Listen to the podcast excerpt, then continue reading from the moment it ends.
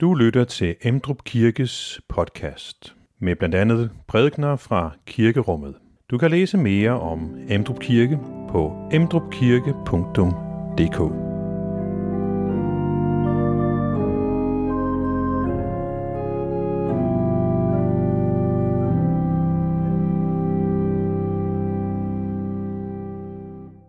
I dag har vi øh, Stor Bededag, og øh, som overskrift så har jeg plukket fra kirkens visionstekst, hvor der netop står, vi er optaget af, at bøn har en central plads hos den enkelte og i fællesskabet. Og det tænkte jeg var en god anledning til at minde om, at det også er noget af det, som vi gerne vil som, som menighed. Den tekst, vi skal være sammen om, er fra Jesu bjergprædiken, hvor han i den grad opfordrer os til at bede og søge og banke på, og samtidig giver os løfter om, at det gør en forskel. Han siger, at den der beder, får. Den der søger, finder. Og den der banker på, lukkes der op for. Så bønden gør en forskel.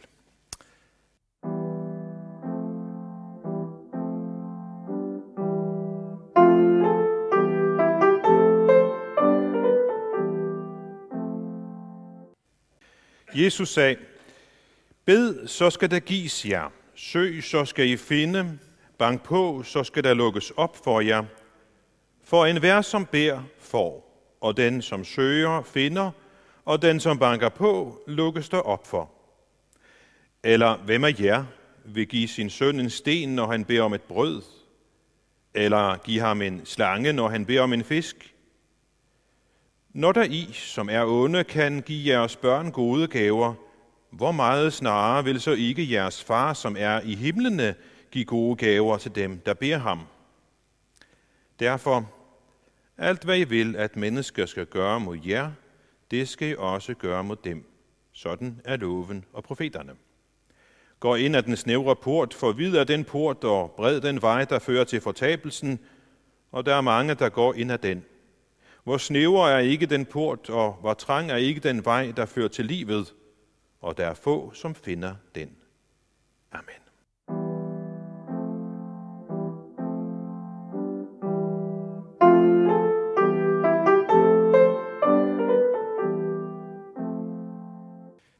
Da vi for nogle år siden skulle øh, forny vores kirkes visioner, så var vi meget enige om, at bøn skulle med i visionsteksten.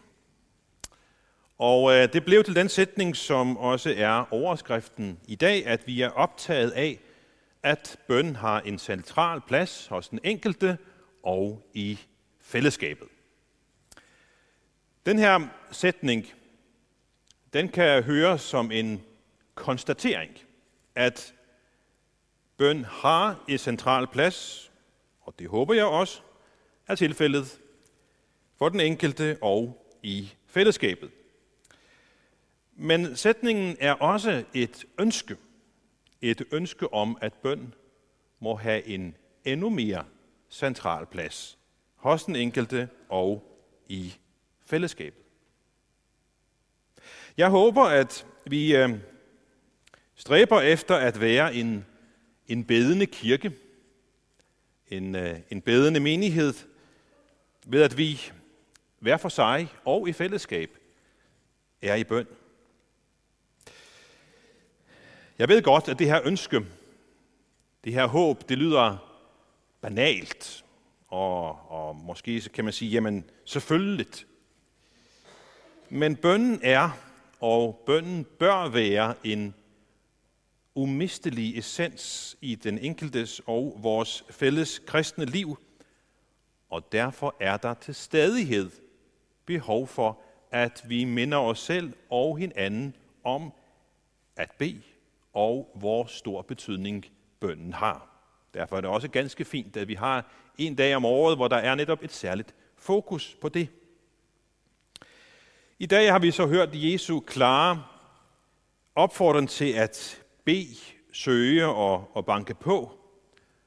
Alle tre er en, en form for, for bøn, Og vi har også hørt Jesu tydelige løfter om, at vi får svar. Den, der beder, får. Den, der søger, finder, og den, som banker på, lukkes der op for. I bøn til Gud, så har vi fri adgang til Guds almagts trone. Vi kan komme med alt, hvad der tynger os. Det var også det, vi, vi sang om i den, i den øh, første sang. Vi må komme med det hele. Alt, hvad der ligger os på hjerte. Alt, hvad der bekymrer os. De sover, vi bærer på. De øh, skuffelser, vi har i vores liv. De, de frustrationer, vi har. I bønden så må vi komme med det, er det hele, som det er. Og der synes jeg, at C.S. Lewis har en, en meget vigtig detalje i sin sætning. Vi kan lægge frem for ham, altså Gud, alt som er i os. Ikke hvad der burde være i os. Det hjælper ikke at spille skuespiller over for Gud. Kom bare med det, siger Gud. Du behøver ikke at pynte på det først, inden du lægger det frem for mig. I bønden så erkender vi også vores egen begrænsning og opsøger den Gud, som vi ønsker at tilhøre og, og tjene. Bønnen bliver beskrevet som den øh, mest fundamentale kristne livsytring og, og kaldes også med et dejligt udtryk for troens åndedræt. Troens åndedræt. Og vi ved godt, hvordan vores åndedræt kan være. Nogle gange så er det stille og, og roligt og, og jævnt. Og andre gange så er vi måske mere, mere stakåndet. Jeg håber, at vi hver især og, os, øh, og vi som fællesskab, at, at vores bøn, at vores tros åndedræt er mere end bare lidt stakåndethed. Jeg håber, at vi hver især og som menighed også får et større fokus på bøn fremadrettet. Det er, det er min fornemmelse, at, øh, at vi og, og mange andre kristne her i landet godt kunne have brug for at, at øh, få en større og, og, og bedre praksis omkring bøn. Både måske for os selv og også som, som fællesskab. Og vi, vi kan måske godt tale om bøn, og, og, og, og, men hvis vi skal være ærlige, hvis vi skal være helt ærlige, så tror jeg, at vi nok må indrømme, at, at rent kvantitativt, så kunne bønnen godt få en større plads. Nogle ville så måske indrømme eller indvende at sige, jamen det handler vel ikke om, om, om kvantitet i bøn. Det er vel et spørgsmål om, om, om kvalitet. Og det kan der være en vis sandhed i, og Jesus siger også, at når vi beder, så skal vi ikke lade munden løbe som hedningerne.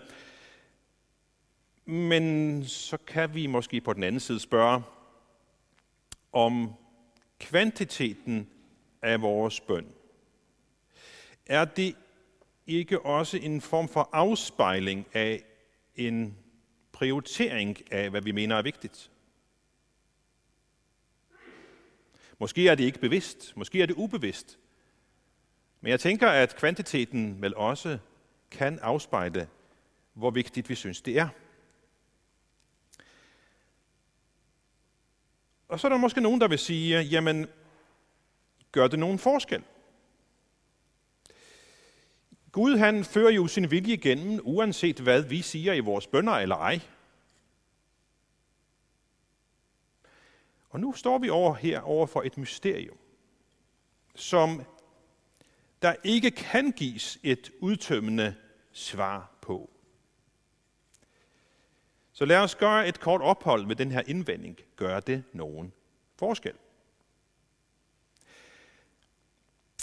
Fordi det er jo i bund og grund spørgsmålet, hvorfor skal vi dog bede? Hvad er det, som sker? På den ene side, hvis vi kigger i Bibelen, så synes det at være unødvendigt at bede til Gud. Han ved, hvad han vil, og han har magt til at udføre det, han ønsker, uden vores medvirken til synlædende. For eksempel har vi en sætning hos Gud, igen med Esajas siger, min beslutning står fast, alt det jeg vil, det gør jeg. Sådan taler den almægtige Gud. Og i lyset af dette udsagn, så kunne vi fristes til at tænke, jamen Gud har der ikke behov for, at vi beder.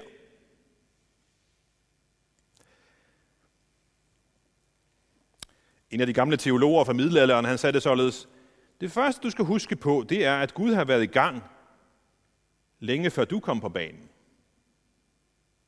Gud har været i gang længe før du kom på banen. Det er jo sådan set en meget befriende udsagn. Alt afhænger ikke af os og vores bøn. Men alligevel, så er det meget tydeligt i Bibelen, at Gud vil, at vi skal bede. Og Jesus opfordrer os meget indtrængende til at bede i det, vi hørte i dag. Be, så skal der gives jer, og så videre. Hvad sker der så, når vi beder? Hvis vi skal prøve at nærme os en mulig forklaring på det her mysterium, som vi aldrig kommer til bunds i,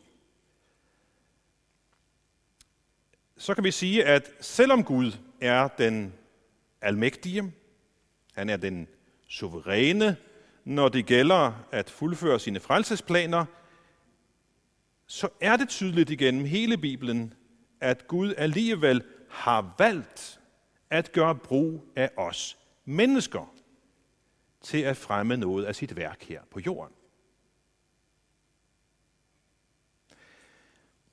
Der er en, der har udtrykt det på den måde, at når vi beder, så er det på en måde sådan som om, at vi udløser på jorden det, som Gud har bestemt i himlen. Og det er også ret tydeligt, at visse ting vil ske med personer og situationer, som følger af vores bøn, og visse ting vil ske, vil ikke ske, hvis ikke vi beder.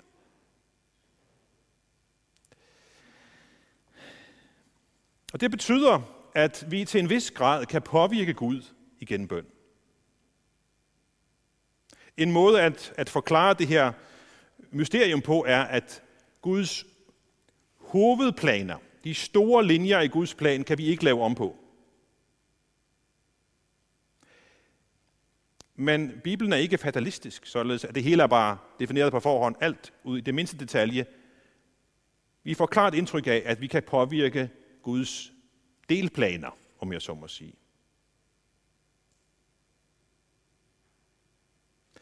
Hvordan Guds suverænitet som historiens herre og vores medansvar til at påvirke historien ved bøn hænger sammen, det er et mysterium som vi nok aldrig kommer til bunds i.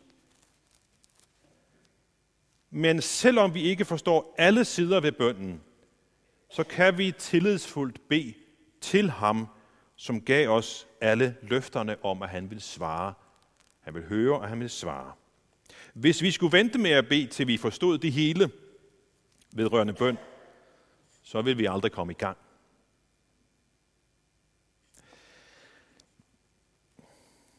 Men hvis vi nu er kommet i gang med at bede, og vi er optaget af, at bøn skal have en central plads hos os, så kan der komme en anden tanke snigende.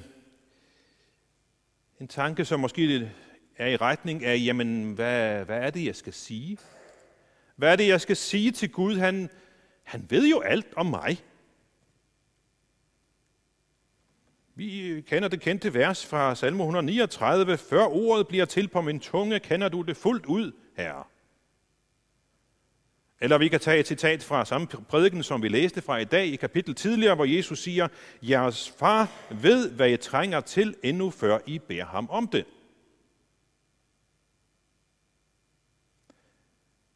Det er jo sådan set rigtigt, at Gud i en forstand ikke har brug for, at jeg fortæller ham, hvordan jeg har det, fordi han ved alt. Men jeg har brug for det. At få det sagt til en, der forstår og elsker mig.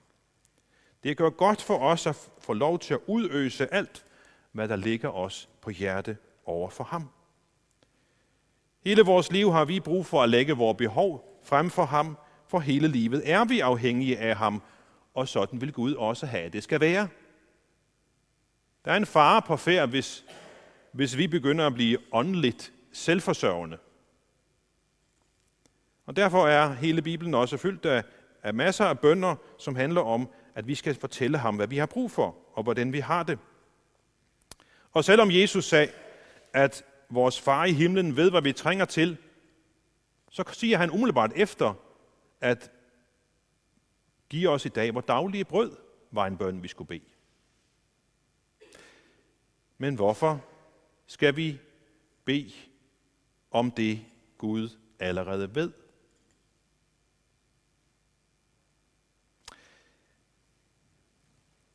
At vi har brug for. Der er en, der har sagt det således. Kærligheden ønsker at blive spurgt om det, den ønsker at give. Kærligheden ønsker at blive spurgt om det, den ønsker at give. Gud ved, hvad vi behøver, og han ønsker at give det, men Gud trænger sig ikke ind på os. En af de mest kendte bøger om bøn er skrevet af Hallesby fra bøndens verden, og han siger, en del gaver tager alle imod, såsom timelige gaver, de gives derfor af Gud uden bøn. Men andre gaver lukker mennesker sig for. Sådan er det med alle de gaver, som hører ind under frelsen. Og disse gaver kan Gud derfor ikke forgive, før han får os til at åbne os frivilligt for den. Så man kan også sige, at bøn er en form for, at vi rækker vores tomme hænder frem for ham, åbner vores hænder i bøn, så Gud kan give os det, han gerne vil give os.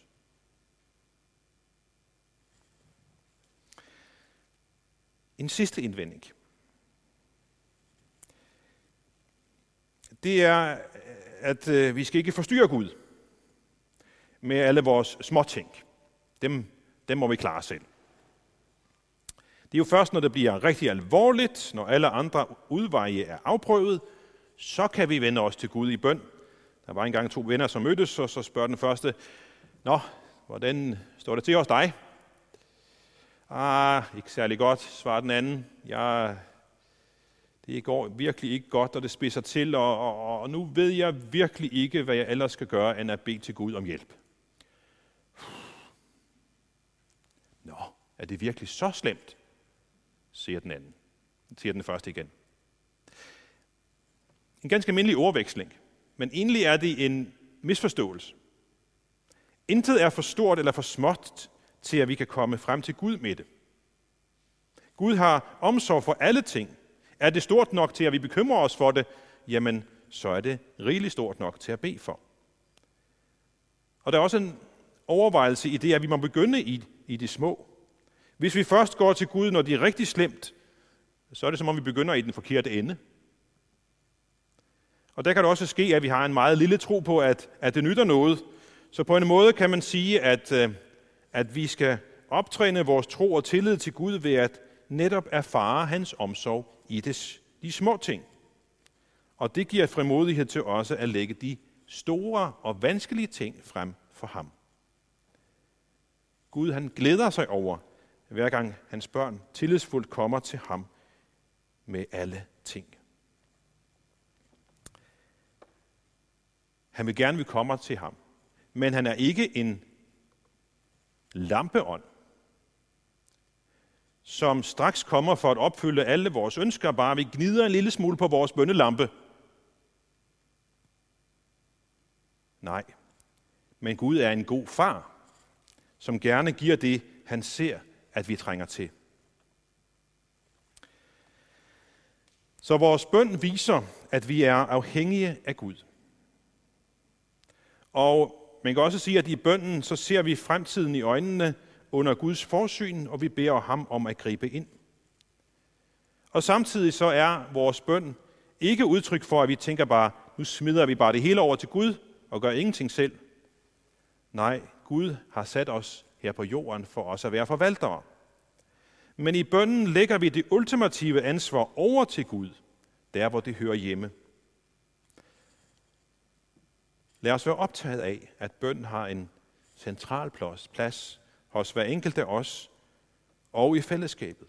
Lad os som enkeltpersoner, som, som fællesskab, som, som kirke stræbe efter et, et levende bønsfællesskab med Gud, hvor vi ved, at bønnen gør en forskel, samtidig med, at vi vedkender os vores afhængighed af Gud og lægger vores frelse, fremtid og hele vores liv over i hænderne på ham, der er den ultimative, almægtige Herre. Amen. Lad os rejse os og med apostlene til ønske hver andre, hvor Herres Jesu Kristi nåde, Guds kærlighed og Helligåndens fællesskab være med os alle. Amen. Find flere podcast og læs mere på emdrupkirke.dk